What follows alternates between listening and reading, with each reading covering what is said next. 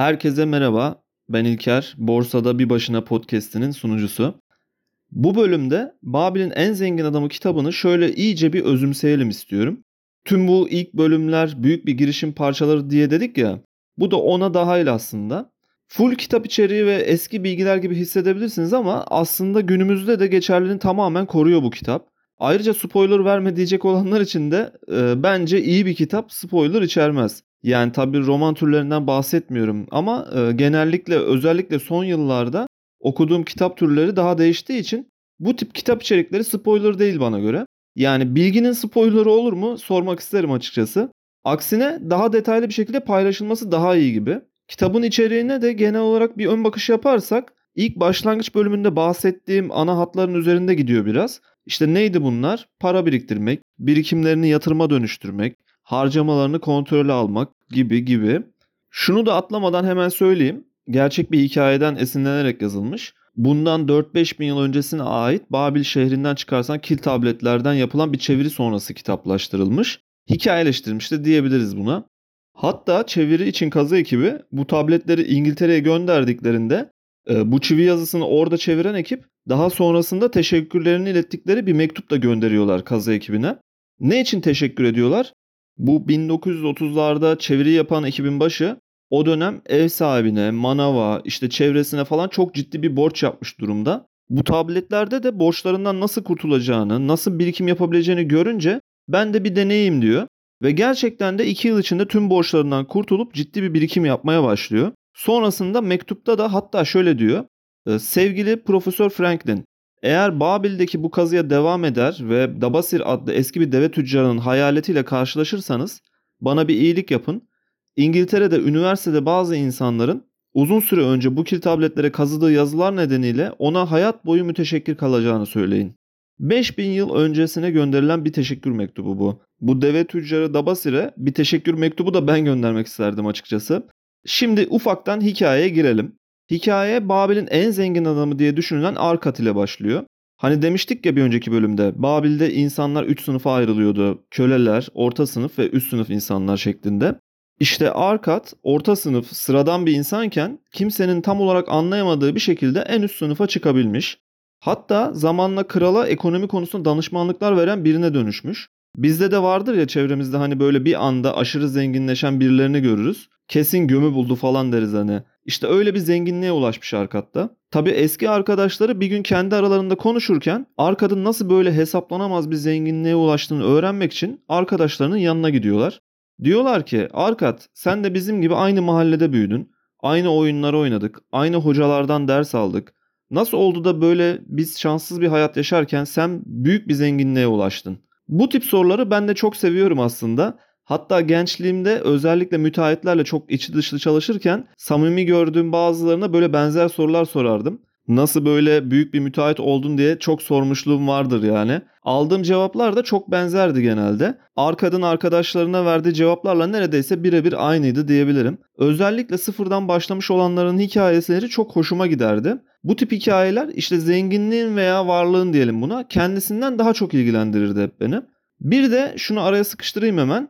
Bu bölüm işte kitapta şöyle oluyor ondan sonra böyle olmuş şeklinde gitmeyecek de böyle aradan çektiğim konular üzerine konuşacağız. Biraz kitabın ana fikrini anlamaya çalışacağız bölümler halinde. İlk başlangıç yine biraz yavaş olacak her zamanki gibi. Konunun tam içine girince daha sonra hızlanırız. Neyse konuya dönelim. Arkat nasıl böyle zenginleştiğiniz sırlarını verirken evet diyor. Ben de sizin gibi ay sonunu getirmeye çalışan sıradan biriydim diye anlatmaya başlıyor hikayesini. Bu Arkat devlet memuru gibi bir görevde çalışıyor bu arada. Kil tabletlere yazı yazıyor. Veya bizim yakın zamandaki Arzuhal gibi falan da diyebiliriz yaptığı işe. Algamış isimli çok zengin bir adam bir gün bir tapuyla ilgili bir yazı yazması için arkada geliyor. İki günde yetişmesi lazım diye de biraz baskı yapıyor. Ekstra para vereceğini söylüyor. Tabi Arkat bu yazıyı yetiştiremiyor. Adam iki gün sonra gelince yazının bitmediğini görünce çok sinirleniyor. Arkat da diyor ki ben bu yazıyı gece de çalışıp sabaha kadar bitireceğim. Ama senden para istemiyorum. Bana nasıl böyle senin gibi zengin biri olabileceğimi öğret diyor. Adam da tamam diyor. Sabaha kadar Arkat daha da hırsla çalışarak yazıyı tamamlıyor. Adam geldiğinde yazısını alırken ilk dersini veriyor. Burayı özellikle kendinizi Arkad'ın yerine koyarak dinlemenizi istiyorum. Finansal bir danışmanlık alır gibi düşünün. Hakikaten de öyle aslında. Algamış diyor ki Arkat kazandığın paraları ne yapıyorsun? Tabi Arkat harcamalarını anlatıyor detaylı bir şekilde. Adam da diyor ki kazandığının bir kısmını mutlaka kendine saklamalısın. Sadece bu yöntem bile çobanlık yapan birini altın borç verebilen birine dönüştürür diyor. Arkat şaşırıyor. Zaten kazandığım bütün para benim değil mi ki diye soruyor. Algamış gülerek devam ediyor. Kıyafetlerini yapan adama para vermiyor musun? Sandaletlerini yapan adama para vermiyor musun? Yediğin şeylerin parasını vermiyor musun? Para harcamadan yaşayabilir misin? Geçtiğimiz ay hatta geçtiğimiz sene kazandıklarının karşılığı olarak neyi gösterebilirsin? Kendin dışında herkese para ödüyorsun. Başkaları için çalışıyorsun. Bari tam bir köle ol da sahip olan kişi sana yiyecek ve kıyafetlerini versin diyor. Şimdi bir düşünelim. Özellikle daha bu ilk kısımda ben okurken aydınlanma yaşamıştım resmen. Gerçekten de kazandığımız parayı ne yapıyoruz? Aynen Arkat gibi kıyafetlere, yiyeceğe, işte eğer evimiz yoksa ev sahibine veriyoruz. Ve geriye de hiçbir şey kalmıyor. Hatta bankalara borçlanıyoruz daha fazla harcayabilmek için. Sonra zaten kazancımızın bir kısmına otomatik olarak bankalar el koymuş gibi bir şey oluyor. Daha da çıkılmaz bir döngüye giriyoruz. Peki işverenimiz gelse mesela dese ki bundan sonra kıyafetlerini ben alacağım, yemeğini de veririm. E bizim şirketin tutacağı bir eve de taşırız seni. Bütün problemlerini çözmüş oluruz. Ama sana bir kuruş para da vermeyeceğim. Kaç kişi kabul eder bunu? Direkt böyle dümdüz söyleyince belki daha net görünüyor ama yine de o kelimeyi de kullanmak lazım. Bunun şimdi 5000 yıl önce Babil'deki kölelik sisteminden çok büyük bir farkı var mı sizce? Hani diyoruz ya modern köleler olarak çalışıyoruz diye. Binlerce yıldır devam eden sistem tamamen bu aslında. Çünkü kendimize para ayırmıyoruz. Bankalara veya işverenimize derinden bağlıyız. Çünkü yarın işsiz kalsak 3 ay içinde açlıktan ölecek kadar borcun içindeyiz çoğumuz. Bunun adı modern kölelikten başka hiçbir şey değil bana göre. Tabii ben kazancımızın üçte birini kenara ayırmamız lazım diyordum ama Algamış biraz daha temkinli. Arkada kazancın onda birini mutlaka kendine ayır diye tavsiye veriyor. Belki de o zamanki alım gücü şimdiye göre çok çok daha iyi olabilir tabii. Yani ilk adımımız mutlaka ama mutlaka ilk önce kendimize ödeme yapmak olmalı. Bunu özgürlüğünüzü kazanmak için yaptığınızı düşünün. Çünkü gerçekten de öyle. Hepimiz modern köleyiz ve bunu kabul etmekle başlarsak işler biraz daha kolay ilerleyebilir. Neyse hikayeye dönelim. Aradan bir sene geçtikten sonra Algamış tekrar Arkad'ın yanına geliyor. Oğlum geçtiğimiz sene boyunca kazandıklarının onda birini kenara ayırdın mı diye soruyor. Arkat heyecanlı bir şekilde anlatmaya başlıyor. Aynen dediği gibi bir sene boyunca kazandıklarının onda birini biriktirmiş. Algamış diyor ki peki bu birikimlerini ne yaptın? Arkat bu sefer daha da heyecanlanıyor. Tüm birikimlerini Tuğul ustası Azmur'a verdiğini anlatıyor. İşte Azmur yakın bir zamanda Fenike'ye gidecekmiş. Orada bulunan nadir, değerli pırlantalardan alıp geri döndüğünde Babil'de satacakmış. O da buna ortak olup daha çok değerli taş getirtip burada yüksek fiyatlardan sattıktan sonra kazancı bölüşeceklerini anlatıyor.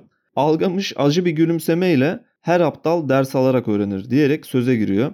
Neden tuğla ustasının değerli taşlar hakkında bilgisine güvendin? Fırıncıya gidip yıldızlar hakkında soru sorar mıydın? Yıldızlarla ilgili bir şeyler öğrenmek istediğinde gideceğin yer gökbilimci olurdu. Birikimlerin gitti evlat. Zenginlik ağacını kökünden sarsın. Ama bir tane daha dik. Gelecek sefer değerli taşlarla ilgili fikre ihtiyacın olduğunda kuyumcuya git. Koyunlarla ilgili doğru bir şey öğrenmek istiyorsan çobana git. Tavsiye bedava verilen bir şey olsa da kimden ne konuda tavsiye aldığına dikkat et diyor. Gerçekten de tuğla ustası Azmur döndüğünde elindeki taşların sadece değersiz parlak cam parçaları olduklarını ve kazıklandıklarını anlıyorlar. Ama Arkat yılmıyor. Tekrardan başlayıp birikim yapıyor. Bir sene daha sonra Algamış tekrar ziyarete geldiğinde hemen anlatmaya başlıyor. Bir sene boyunca yaptığı birikimleri anlatıyor. Bu sefer birikimlerini kalkan ustasına bronz alması için verdiğini, 4 ayda bir de faiz aldığından bahsediyor neşeyle. Algamış bu faizleri ne yaptığını sorunca gelen faizlerle iyi şaraplar, çok güzel baharatlı kekler, hatta geçenlerde kendine çok kaliteli kırmızı bir elbise aldığını anlatıyor. Bir gün kendine binmek için genç bir eşek alabileceğini umduğunu söylüyor. Algamış gülerek birikimlerin çocuklarını yediğini söylüyor. O zaman onların senin için çalışmasını nasıl beklersin? O zaman onların da çocukları olur mu? İlk önce kendine altından bir köle ordusu oluştur. Ondan sonra pişman olmadan istediğin kadar zengin ziyafetleri çekebilirsin diyerek yanından uzaklaşıyor. Algamış bu sefer 2 sene görünmüyor. Biraz yaşlanmış bir şekilde gözleri falan çökmüş. 2 sene sonra tekrar geliyor. Ne yaptın? İstediğin zenginliği elde ettin mi Arkat diye soruyor. Arkat daha tüm istediklerini elde edemediğini ama bir zenginliğe ulaştığını ve bu zenginlikle de daha fazla para kazandığını ve o kazandıklarını da birikimlerin üstüne koyarak daha da fazla para kazandığını anlatıyor.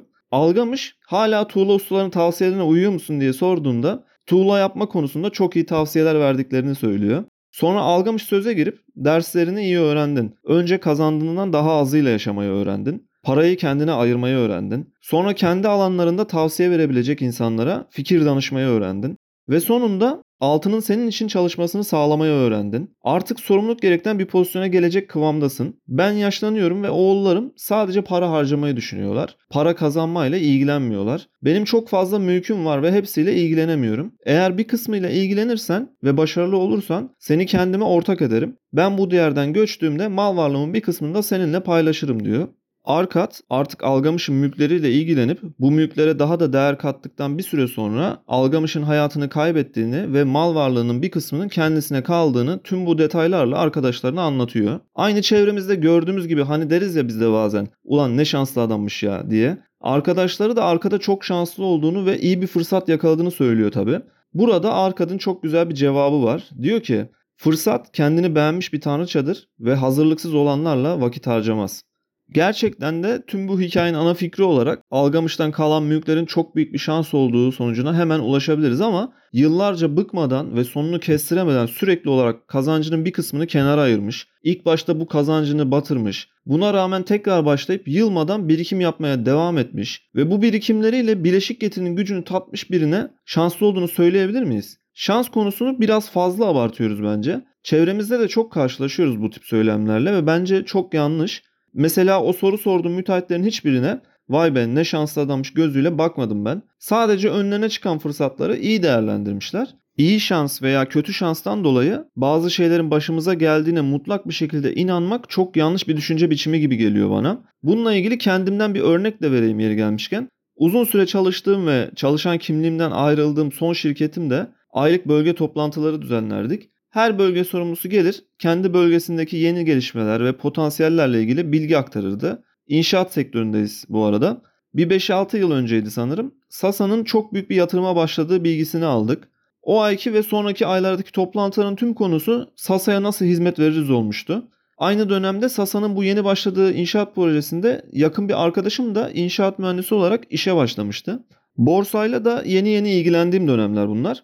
Arkadaşımdan projeyi dinledikten sonra şirketimizin de bölgedeki en büyük potansiyel iş olarak Sasa'yı belirlediğini ve tüm yılın satış potansiyelini doğrulabileceğini öğrenince bizim ekip Sasa'yı nasıl mal veririz diye hesap yaparken benim toplantısına çıktığımda yaptığım ilk iş Sasa'nın hissesini kontrol etmek oldu. Daha temelini bile atmamışlardı ilk açıkladıkları yatırımların bu arada. Yapacakları yatırımları hem arkadaşımdan daha detaylı aldım hem de büyük bir şirket olmamız dolayısıyla kendi şirketimden de farklı detayları alıyordum. Bunları birleştirip üstüne kendi araştırmamı da ekleyip çarpıp böldüğümde çok garip hisse fiyatları çıkıyordu. Sasa sanırım o dönemden beri 3-4 kere bölündü. Yani bedelsiz sermaye lot artışına gitti. O dönem yatırımlar tamamlandıkça oluşacak karları hesaplayıp dediğim gibi çok uçuk hisse fiyatları buluyordum. Sürekli hesap yaptığımı hatırlıyorum. Bir yerde bir hesap hatası falan mı yapıyorum diye tekrar tekrar kontrol ediyordum. Ama sonuç çok da değişmiyordu. O anki fiyatından en azından 20-30 kat yükselmesi gerekiyor gibiydi. Hemen yatırıma başladım. Şirketim de bu arada bu işi alamadı. Alsaydık ihya olurduk. Tüm bu yatırım bilgilerine ve e, projenin e, bu kadar detaylarına erken erişmemi tabii ki şans olarak değerlendirebiliriz. Ama Arkad'ın dediği gibi ben de tekrar etmek istiyorum. Fırsat kendini beğenmiş bir tanrıçadır ve hazırlıksız olanlarla vakit harcamaz. Çevremdeki herkese anlattım o dönemde bu fikirlerimi. Sasa'nın çok büyük bir yatırıma başladığını, gelecek dönemlerde çok yüksek karlar açıklayabileceğini, şirketin değerinin çok hızlı bir şekilde büyüyebileceğini aileme ve tüm arkadaşlarıma anlattım. Keşke diyorum çok yüklü bir nakitim olsaydı o dönemlerde de daha agresif bir şekilde hisselerini alabilseydim. Ailemi özellikle yüklü bir yatırım yapmak için ikna etmeye çalıştım ama o da olmadı. Yine de daha önce Bitcoin'de yaşadığım gibi gelecek değerini düşündükçe heyecanlandığım bu yeni gözlem Sasa'da aynı hataya düşmek istemiyordum.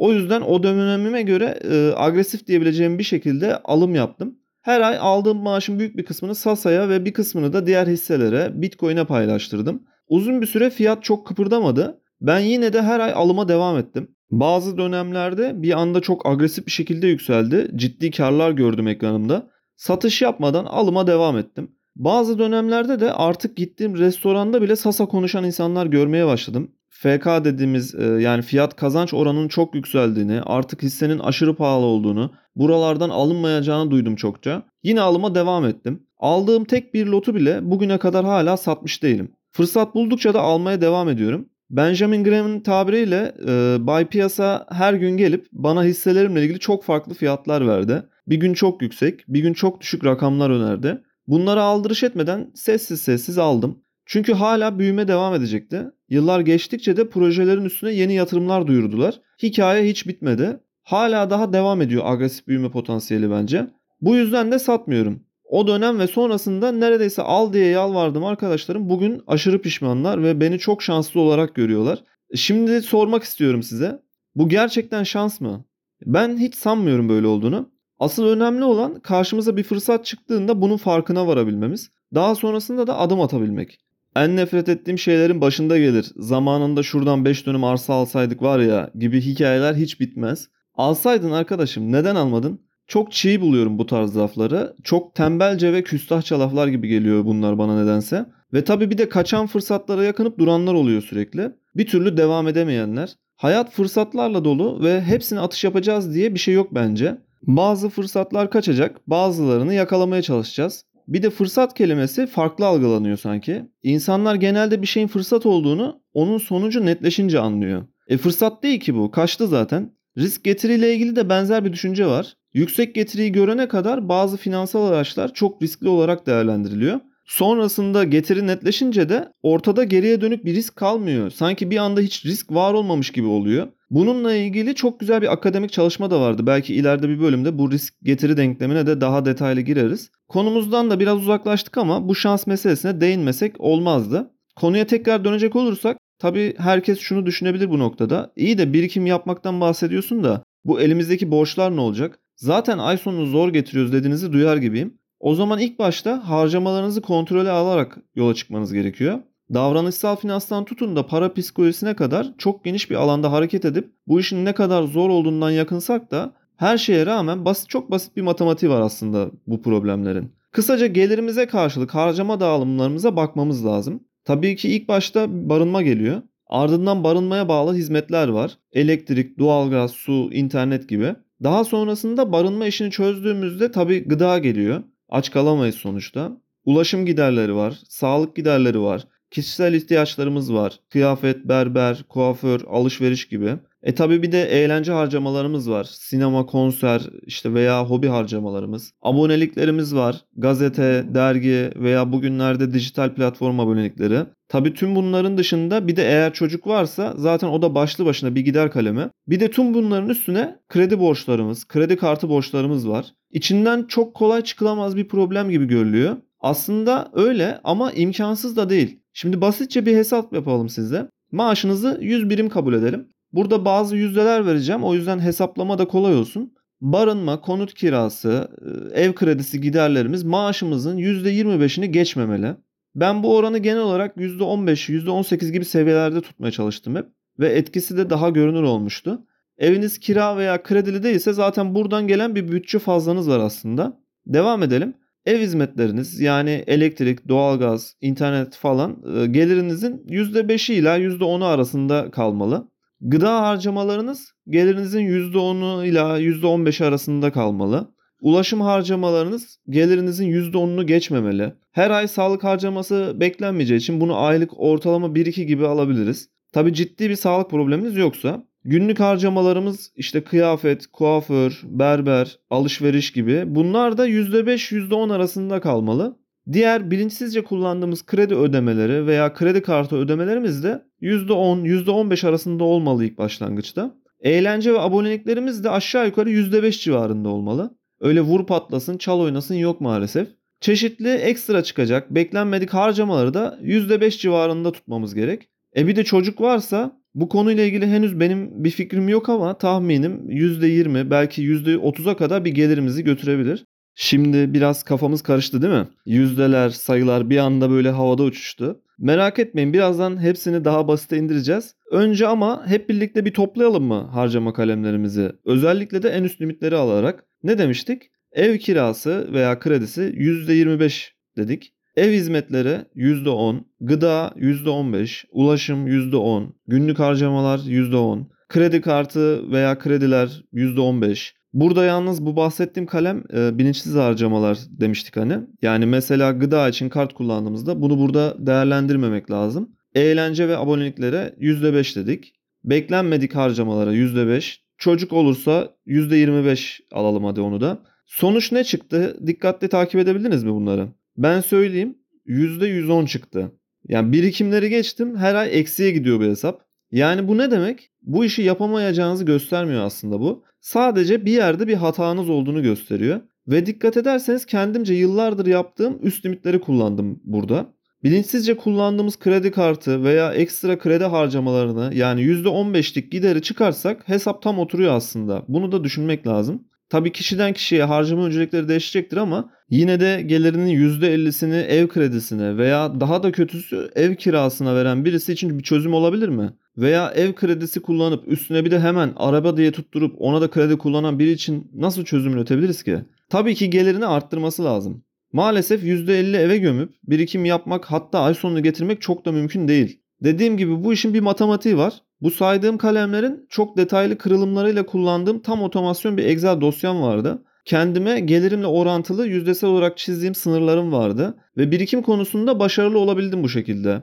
Eğer siz de bu şekilde harcama dağılımınızı çıkartıp gelirinizden yüksek bir sonuç buluyorsanız bir yerde bir hata yaptığınızın kanıtı olur bu. Ya gücünüz buna yetmiyorken saçma sapan bir araba kredisi kullanmışsınızdır. Ya karşılayabileceğinizden çok daha lüks bir evde oturmaya çalışıyorsunuzdur. Ya da eğlence ve kişisel ihtiyaçlarınız için kontrolsüz bir şekilde harcama yapıyorsunuzdur. Yine de dediğim gibi aslında bunların hiçbirini yapmamamız gerektiğini söylemiyorum ben. Annemin bir lafı var. Halına göre salın diye. Gerçekten de yapmamız gereken sadece bu. Bir hafta yaz tatili için 12 aylık kredi kullanmaya çalışıyorsanız veya hem ev kredisi hem araç kredisi birlikte ödemeye çalışıyorsanız veya alışveriş manyaklığına kapılıp ihtiyaç fazlası harcamalar yapıyorsanız doğru yoldan çok uzaktasınız demektir. Önce harcama dağılımınızı yapıp yüzdesel olarak nereye ağırlık verdiğinizi ve nerelerden kısıtlama yapabileceğinizi görerek işe başlamanız lazım. Örnek olsun diye şimdi gelin 3-4 yıl öncesine gidelim ve benim Excel dosyasından rastgele bir harcama ayıma bakalım. 2019 Ağustos ayı önümde şimdi. Ev kirası %15.6 gitmiş. Ev hizmetleri %4.7. Gıda %8.5. Ulaşım %7.6. Çoğunlukla benzin parası bu. Sağlık harcaması yok. Günlük harcama %1.6 olmuş. Kredi %8.7. Eğlence %16.4. Abonelikler %1.5. Hesabı yaptığınızda geriye aşağı yukarı %35 gibi birikime aktarılmış bir para kalıyor. Çoğu aylarda benzer şekilde olmuş. Bunu yapmak gerçekten çok zor değil aslında. Yalnızca önceliklerimizi ve harcamalarımızı kontrol altına almamız lazım. Ve bunun üstüne ekstra olarak gelirimizi de arttırabilsek çok çok daha iyi olur tabi. Basit bir matematik var aslında. Neye gereğinden fazla harcadığımızı anlayıp kendimize gerekli limitleri koymamız gerek. Şunu da söylemem lazım. Kenara %35 koyarken yine de belli bir standarttan üstünde yaşadım. Ama şunu da yapmadım. Daha da lüks tüketime gidip mesela hiç ihtiyacım olmasa da aracımı değiştirip ultra lüks bir modele geçebilirdim. Ama yapmadım. O %35'i biriktirmem lazımdı ve buna odaklandım. Neyse lafı biraz uzattık ama önce bir harcama bütçesi yapıp giderlerimizi buna göre kontrol altına alabiliriz. Babil'deki ünlü deve tüccarı Dabasir de kil tabletlerinde benzer bir şeyi kazımış. 10 birimlik gelirinin 7 birimini aylık harcamalara, 2 birimini borçlara, bir birimini de birikim için ayırdığını anlatıyor. Borçları olmasa aynı bizim ailecek yıllardır yapmaya çalıştığımız gibi gelirinin %30'unu biriktirecek aslında. Öncelikli tabi amaç e, borçlarından kurtulmak olmalı ve gereksiz borca girmemek olmalı. Tam da bu noktada Babil'in en zengin adamına tekrar dönelim. İyi bir kral olan Sargon düşmanları Sümerleri yenip Babil'e geri döndüğünde ciddi bir problemle karşılaşıyor. Tüccarların müşterisi kalmamış, halk sefalet içinde, çiftçiler ürünlerini satamaz hale gelmiş, Kral danışmanına o kadar yaptıkları iyileştirmelerin, yatırımların, halkın gelirini arttırmalar için harcadıkları altınların nerede olduğunu soruyor. Danışman da bu paranın maalesef şehirdeki birkaç zengin adamın cebinde toplandığını anlatıyor. Yani ne yapabiliriz ki parayı nasıl toplamasını bildiği için kimseyi cezalandıramayız ki diyor danışman. Kral insanların neden altınlarına sahip çıkamadığını veya birikim yapmayı, kendilerini daha da zenginleştirmeyi nasıl beceremediklerine şaşırıp bir çözüm bulmak istiyor. Tabi bu noktada işi en iyi öğrenecekleri kişiyi Babil'in en zengin adamı olarak tanınan arkada huzuruna çağırtıyor. Ondan tüm sıradan insanlara da zenginliğe nasıl ulaştığını anlatmasını istiyor. Ertesi gün Arkat katılmak isteyen yüzlerce sıradan insanı tapınakta toplayıp yöntemlerini anlatmaya başlıyor. 7 tane yol anlatıyor buradaki insanlara. Birinci yol tabii ki daha önce de bahsettiğimiz birikime başlamak. Yani gelir düzeyimiz ne olursa olsun ayda 100 lira da olsa mutlaka para biriktirmemiz. Ve bunu maaşımızı alır almaz önce kendimize ödeme yaparak kenara ayırmamız gerektiğinden bahsediyor. İkinci yol harcamalarımızı kontrol altına almak. Ufaktan birikime başladık ve önce kendimize ödeme yapmanın tadına vardıktan sonra acaba başka harcama kalemlerinden de ne kadar kısabiliriz diye bakmamız gerekiyor. Üçüncü yol birikime başladık. Harcamalarımızdan da biraz kıstık. Artık hatlı sayılır bir miktarı kenara ayırabiliyoruz. Bu kenara ayırdığımız birikimleri de büyütmemiz lazım. Peki bu nasıl olacak? Tabii ki bu birikimleri yatırımlara aktararak büyütme yoluna gitmeliyiz. Yatırımlarımızdan elde ettiğimiz ek gelirlerimizi de birikimlerimizin üstüne ekleyip devam etmemiz lazım. Zamanla bu bir kar topu etkisine dönüşecektir zaten. Bileşik getirinin gücünü asla hafife almamız gerektiğini söylüyor. Dördüncü yol artık belli bir yatırım büyüklüğüne ulaştık diyelim. Bu noktada da daha da dikkatli olmamız ve birikimlerimizi kaybetmemize neden olabilecek riskli araçlardan kaçınmamız gerektiğini söylüyor. Bu arada risk konusuna daha da detaylı gireriz belki başka bir podcast'te. Arkat şöyle söylüyor. Hazinenizi çok dikkatli bir şekilde yatırımlara yönlendirin ki kaybolmasın. Yüksek faizler sizi kayalara çağıran, geminizi batıracak olan sirenlerin tatlı ama yalancı melodilerinden farklı değildir. Yani kısaca yatırımlarımızı kısa yoldan çok hızlı bir şekilde aşırı büyütecek, gerçek olamayacak kadar iyi tekliflere dikkat etmemiz gerektiğini söylüyor. Bunu en son yakın zamanda Luna'da gördük. Dolara birebir bağlı USD coin'inde %20 gibi bir dolar faizi ödeyeceklerini söylediler. Hepimiz biliyoruz sanırım nasıl sonuçlandığını. Beşinci yol harcamalarınızı yaparken size geri dönüşü olmayacak şeylerden kaçının diyor. Yani şöyle kira ödemek yerine eğer mümkünse krediyle ev satın alabilirsiniz mesela. Gereksiz size yükümlülük getirecek harcamalarınızı kısarak arsa kredisi kullanabilirsiniz. Kısaca paranızın onda dokuzunu harcarken mümkünse size yükümlülük getiren şeyler yerine mal varlığınızı arttıracak şeylere harcama yapın diyor. Altıncı yol geleceğinizi garanti altına almaya çalışın diyor. Yani pasif gelir yaratma konusu. Bir noktadan sonra artık hepimizin iş yapma becerisi ve iş gücü yeterli olmayacak ve emekliliğe ayrılacağız. İşte o zamanlar için ekstra gelir yolları yaratmalıyız. Herkesin hayalidir mesela 4-5 tane evim olsa onların kira gelirleriyle yaşarım diye değil mi? Veya temettü emekliliği de böyle bir yöntem. Yani emeklilik planı yaparak pasif gelir yöntemleriyle hayatımızı sürdürebileceğimiz bir düzen kurmaya çalışmalıyız diyor. Yedinci yol para kazanma kapasitemizi arttırabiliriz diyor. Belki de en önemlisi bu bana göre. Gerçekten de elimizden geldiğinin en iyisini yapıyor muyuz mesela? Gelir elde etme kapasitemizi sonuna kadar kullanıyor muyuz? Tüm diğer yollar haricinde bir de ekstra olarak örneğin ayda 1000 TL ek gelir yaratabilsek ve bunu da yatırımlarımıza yönlendirsek ortaya çıkacak birikimlerin büyüme yemesini düşünebiliyor musunuz? Bunu yaparken de kendimize gerçekçi hedefler koymamızı öğütlüyor Arkat. Ve bu gerçekçi hedefleri başardıkça oluşacak hazla birlikte hedeflerimizi büyütmemiz gerektiğini söylüyor. Evet işte bunlar Arkad'ın sizi zenginliğe götürebilecek öğütleri. 5000 yıl önce oluşturmuş bir plan olsa da günümüzde de hala geçerliliğini koruyor bana göre. Çok basit gibi görünüyor ama uygulaması o kadar da kolay değil. Yine de sonuçları bana göre çok etkili. Ama günümüzde maalesef tüketim toplumu içinde o kadar yolumuzu kaybetmiş durumdayız ki birikim yapmak bir kenara sürekli borçlarımızı arttırmak için çalışıyor gibiyiz. Para kazanma kapasitemizi arttırdıkça harcamalarımız da artıyor. Yani sanki para biriktirmek için değil de daha fazla borç yapabilmek için iş gücümüzü arttırmaya çalışıyor gibiyiz. Arkad'ın saydığı bu yollardan belki de en önemlilerinden biri doğru harcama yapma yeteneği bence harcamalarımızı bize daha fazla yükümlülük getirebilecek şeylere değil de getirisi olabilecek şeylere yöneltmek lazım. Bir haftalık yaz tatili için mesela 12 aylık 10 bin lira ihtiyaç kredisi çekip bu parayı hiç etmek yerine bir yıl aynı parayı biriktirip hisse senedi alsak bir de temettü veren bir şirkete ortak olsak birkaç yıl içinde tatilimizi şirketin ödeyeceği kar payıyla karşılayacak bir noktaya bile gelebiliriz. Veya 4-5 yaşına gelmiş arabamızı etrafta daha prestijli görmek için son modelle değiştirmek yerine ona ayıracağımız kredi ödemesini yatırımlara yöneltsek belki de 10 yıl içinde aynı aracı bedavaya getirebiliriz. Çok uçuk geliyor değil mi? Direkt örneklendirelim o zaman bunu. 2010 yılında tam dolu paket, aşiret paketi dediğimiz bir Passat'ın sıfır fiyatı 102.500 liraymış. Bu parayla aracı değil de Doğuş Otomotiv'in hissesini almış olsaydık verdikleri kar paylarını da yatırımımızın üstüne ekleseydik eğer şu anda günümüzde yatırımlarımızın değeri 5,5 milyon liraya yakın bir rakam oluyordu. Ve yine sadece 2022 yılında şirketten alacağımız kar payı 400 bin lira civarında olacaktı. Aylık aşağı yukarı 35 bin lira gibi bir temettü geliri. Bu sadece bir örnek. Aynı şeyleri farklı zevklerimiz için de görebiliriz. Mesela sadece sıkıldığımızdan bütün oturma takımlarını değiştirdiğimiz veya tadilata girdiğimiz yüklü ev harcamaları yerine Arçelik veya Vespe hisseleri almış olsaydık orada da benzer sonuçlarla karşılaşacaktık. Bu anlatmak istediklerimi çok iyi özetleyen bir konuşma dinletmek istiyorum tam da burada. Bölümü kapatmadan önce günümüzde gelmiş olduğumuz noktayı çok iyi özetleyen Aslı Şafak'ın e, TEDx konuşmasından küçük bir kesit paylaşayım. Kredi kartı, cep telefonu ve internetle beraber dünya ve Türk insanı dönüşmeye başladı.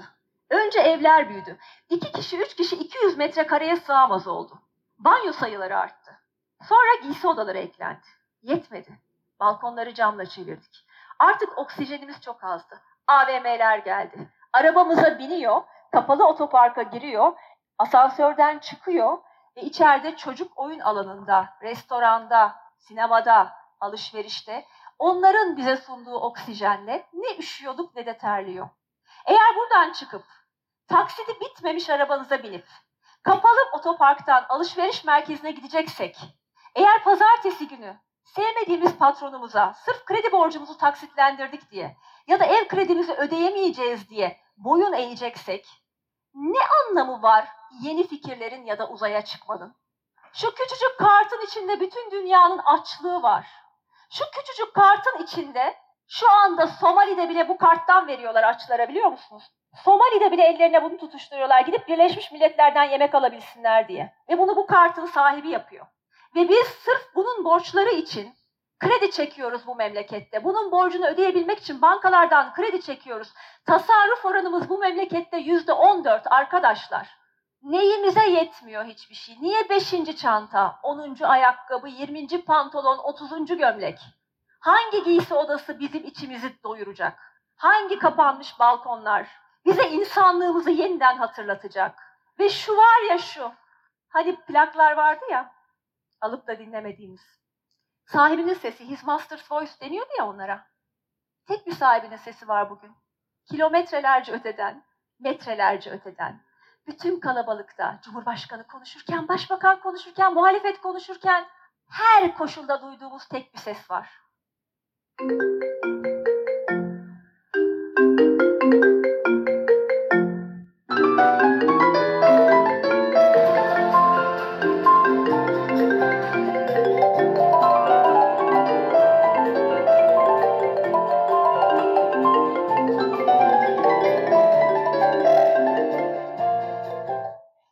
Sırf telefon zil sesim artık her çalışında beni rahatsız edip üstümde gereksiz bir stres yaratıyor diye 3-5 ayda bir melodisini değiştiriyordum. Pavlov'un köpeği gibi hissetmemek için. Bu haftalık benden bu kadar. Umarım keyif almışsınızdır. Açıklamalar kısmında yer alan mail üzerinden soru ve görüşlerinizi iletebilirsiniz. Bir sonraki bölümde görüşmek üzere.